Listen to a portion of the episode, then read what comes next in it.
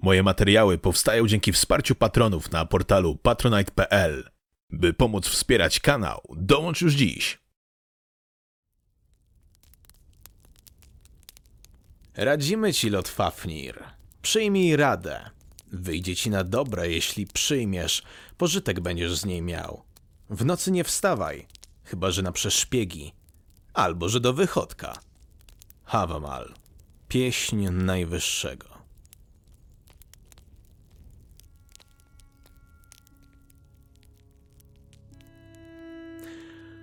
Śnił o młodości. To nie było tak, że Bjarke był stary, był mężczyzną w sile wieku. Problem w tym stwierdzeniu stanowiło co innego. W jego głowie, jak i w jego ustach, młodość oznaczała inne życie dzieciństwo. Życie z matką, życie wśród ludzi, którzy byli dla niego ważni, ale i tak różni od niego. Młodość była dla Bjarke innym życiem, tym sprzed poznania Sigvalda, jego ojca. Śnił o młodości. Śnił o starej chacie, która pachniała suszonymi ziołami. Śnił o piaskowej drodze, która wiodła do wsi. Śnił o bliznach, które zebrał na podwórzu i w lasach otaczających dom. Bliznach zebranych w czasie zabawy, jak i w czasie różnych kłótni z innymi dziećmi. Śnił o matce i pewnie śniłby tak do rana, docierając do momentu, który oddzielał dawne czasy od teraźniejszości, gdyby nie ciężka, chropowata ręka wyciągająca go ze snu. Ojciec znów potrząsnął Biarkę, który niechętnie otworzył jedno oko. Przez krawędź okna opuszczonej ruiny, w której spali, wkradał się fragment księżyca, ale nawet w takiej ciemności Biarkę ujrzał szeroki uśmiech Sigvalda, który bez zabawy w delikatności głośno powiedział: Ruszaj tyłek, już pora. Biarkę uśmiechnął się zamroczony, jeszcze ciężką pobudką. Otworzył drugie oko i usiadł na twardej podłodze. Za plecami ojca zaskrzypiało stare drewno po czym w blask wkroczyły dwie sylwetki już wybudzonych braci Gunnara i Alvara. Niebo było bezchmurne. Księżyc świecił połowę swojej siły, a robactwo nadawało wściekły czerwcowy koncert. Gunnar zanurzony po kostki w chłodnawej wodzie wyprowadzał z mielizny małą łódź rybacką, która miała nieszczęście natrafić na Sigvalda wraz z synami. Wypchnął ją z trzcin i wskoczył z cichym pluskiem na pokład. Usiadł z tyłu. Alvar, bardzo wysoki i najszczuplejszy z czwórki, zaczął wiosłować powoli, by chlupot nie sprowadzał niechcianej uwagi. Ciemnowłosy wojownik przypominał posturą tyczkę, więc w słabym świetle księżyca stanowił niejako przedłużenie chudych wioseł. Alvar znany był ze swego rozsądku. Niektórzy mówili, że był zbyt rozsądny, jak na Sigvaldsona. Płynęli już dobrych parę chwil. Zrób mi tę przyjemność i przyznaj, że znowu czegoś zapomniałeś zabrać. Z zawadiackim uśmiechem swoim tubalnym głosem Gunnar spróbował nieudolnie szepnąć do Biarkę. Gunnar był najniższy z rodzeństwa. Przewyższał swoim wzrostem tylko ojca, jedynie Sigvald był od niego niższy i to co najwyżej o palec. Gunnar jednak braki we wzroście nadrabiał pracowitością, nieskazitelną techniką w walce i szybkością godną strzały w locie. Był też diabelnie silny. Szerokością barków, jak i długim czułem złotych włosów zasłużył na swój przydomek Gulin Bursti, imię złotogrzywego dzika, boga Freyra. Biarkę uśmiechnął się półgębkiem na wspomnienie pierwszej wyprawy, którą wypominał mu brat. Zapomniał wtedy zabrać tarczy na łódź. Dobrze, że Gunnar zauważył zgubę i przyniósł ją ze sobą, gdy dotarł z posiłkami.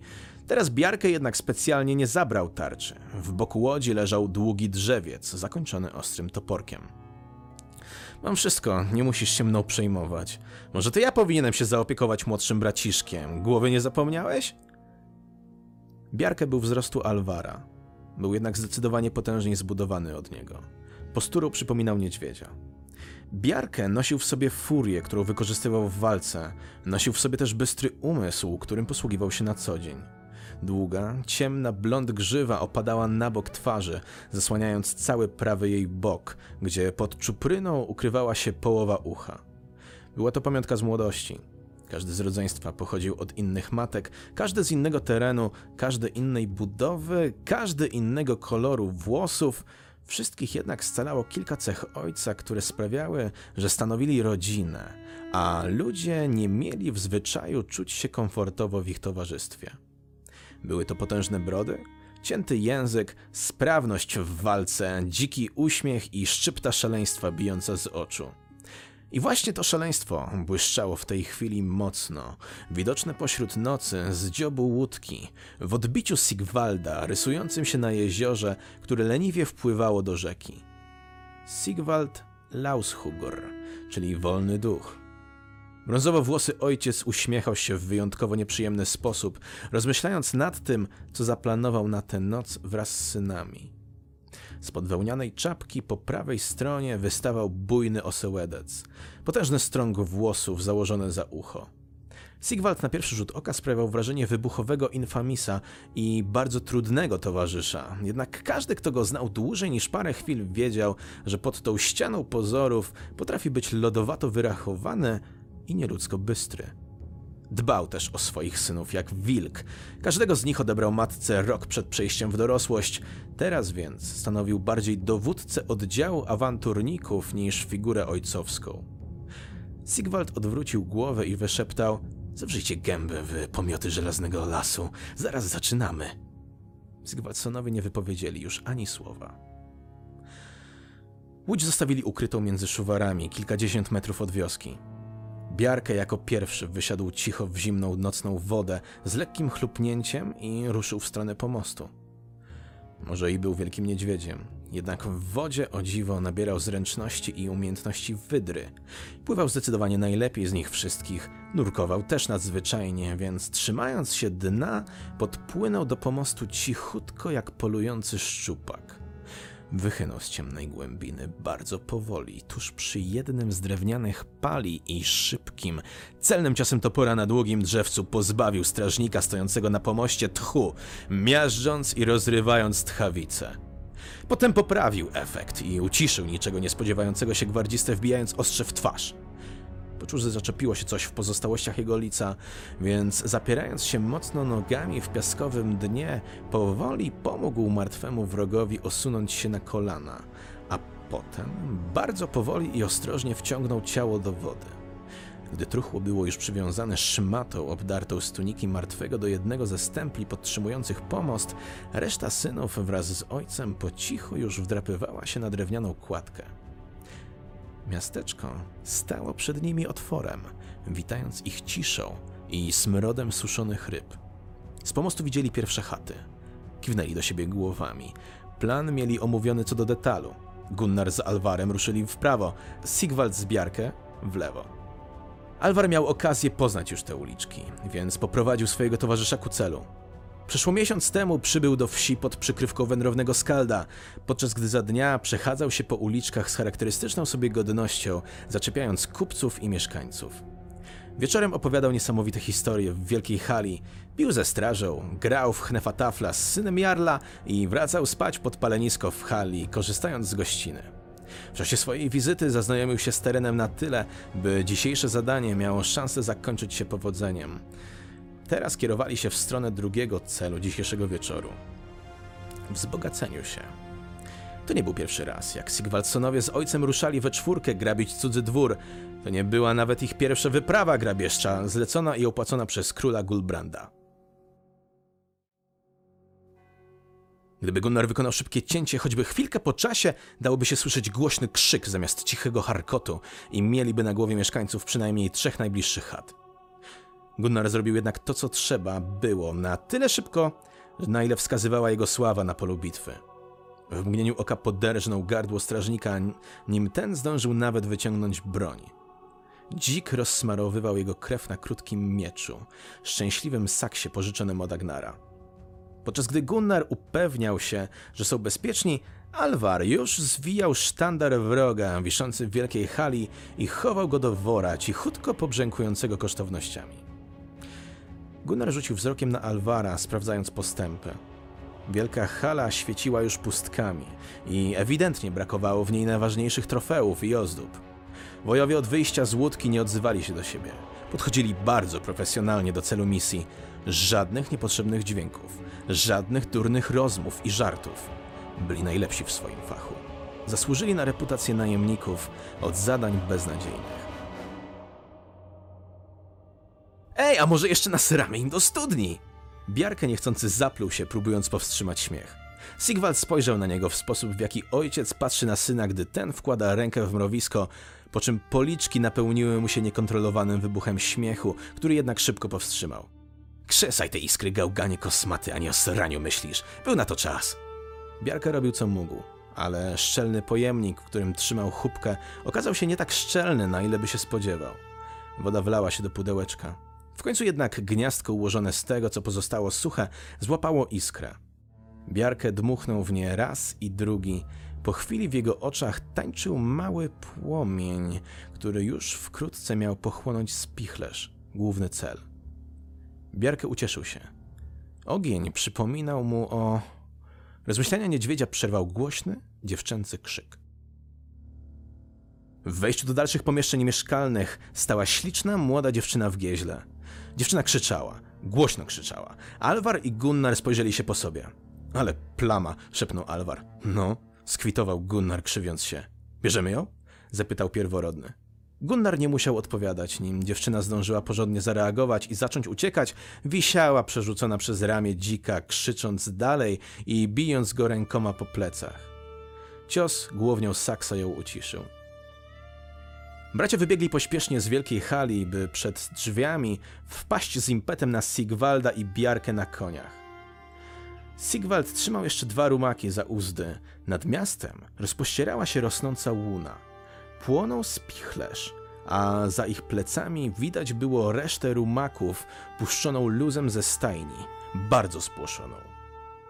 Brać ich! Chcę ich osobiście oskurować. Łapcie te szumowiny! Oni mają moją córkę, ty kurwie syny, mają sygnę!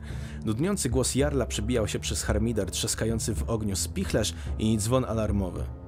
Ludzie w naprędce założonych fragmentach ubrań wyskakiwali na ulicę, trzymając w rękach broń. Sigwaldsonowie z ojcem pędzili na łeb na szyję przez uliczki. Alvar pierwszy. To on prowadził ucieczkę. W końcu to on znał drogę. Sigvald leciał za nim, śmiejąc się wariacko. Potem Gunnar z córką Jarla przewieszoną przed nim, a na końcu Biarkę. Koło uszu świstały im strzały. W uszach słyszeli okrzyki gruźb, a w oczy ostro błyszczały odblaski księżyca, łamiącego swoją drogę na Midgard w ostrzach toporów i włóczni. Już blisko, zaraz wyjedziemy na drogę. Ja! odpowiedział tylko Sigvald. Biarkę jednak tego nie usłyszał.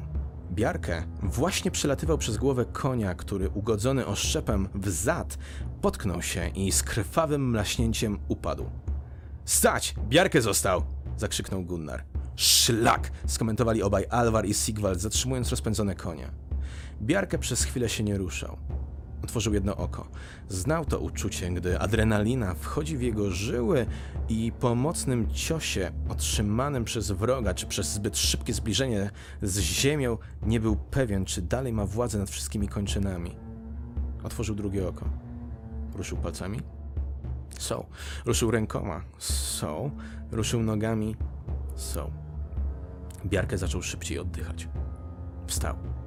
Naokoło niego zbierała się już banda wrogów. Każdy miał w rękach coś ostrego, czy to był topór, nóż, włócznia czy miecz. Stał i był gotowy. Miał już w rękach swój dwuręczny topór. Oddychał już bardzo szybko. Jeden z wrogów trzymał w ręku pochodnie. Sigvaldsson skakał wzrokiem po adwersarzach, jednak w końcu skupił wzrok na ciepłym świetle. Blask pochodni odbijał się biarkę w oczach. Jego adwersarzom natomiast jakoś bardzo nie spodobało się to mętne odbicie. Ogień, bezmyślnie odrzekł Biarkę. Na jego usta wstąpiła piana. Co stoicie? Chodźmy mu pomóc! krzyknął Alvar. Spokojnie, rzekł Sigwald z radosnym uśmiechem na ustach. Poczekaj. Czy wami już do końca zawładnął Loki? Musimy mu pomóc! kontynuował Alvar. Nie czekał na odpowiedź. Ruszył w stronę brata. Sigwald śmiał się. Gunnar spojrzał na ojca, uniósł ramiona, po czym ruszył za Alvarem. Nim ten jednak zdążył dogalopować do Biarkę, doszły do niego głośne krzyki. W kolejnej chwili pod jego konia potoczyła się głowa pozbawiona właściciela. Nad kłębowiskiem ludzi w świetle księżyca unosiła się para i krótkie chluśnięcia krwi. Co jakiś czas dochodziły ich też głośne zwierzęce powarkiwania. Bracia skoczyli w wir walki, by pomóc bratu. Ostrze śpiewały zabójczym vibrato, któremu rytm wybijały ciosy końskich kopyt. Ostatecznie na ulicy pośród sześciu trupów stał sam Biarkę oblany czerwienią. Z jego ust ciekła piana, a on wpatrywał się w pochodnię trzymaną przez bezpańską rękę. Warczał na nią. Nadciągali kolejni wrogowie. Gunnar doskoczył do brata.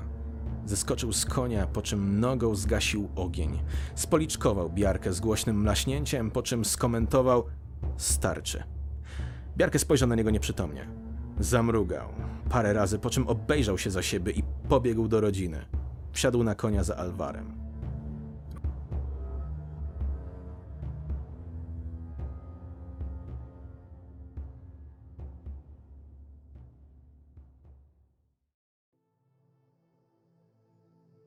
To, co przed chwilą przesłuchaliście, to jedno z pierwszych cotygodniowych spotkań, które odbywają się na moim Discordzie z patronami z progu Einherje. Sam tekst natomiast jest moją twórczością napisaną dobre kilka lat temu.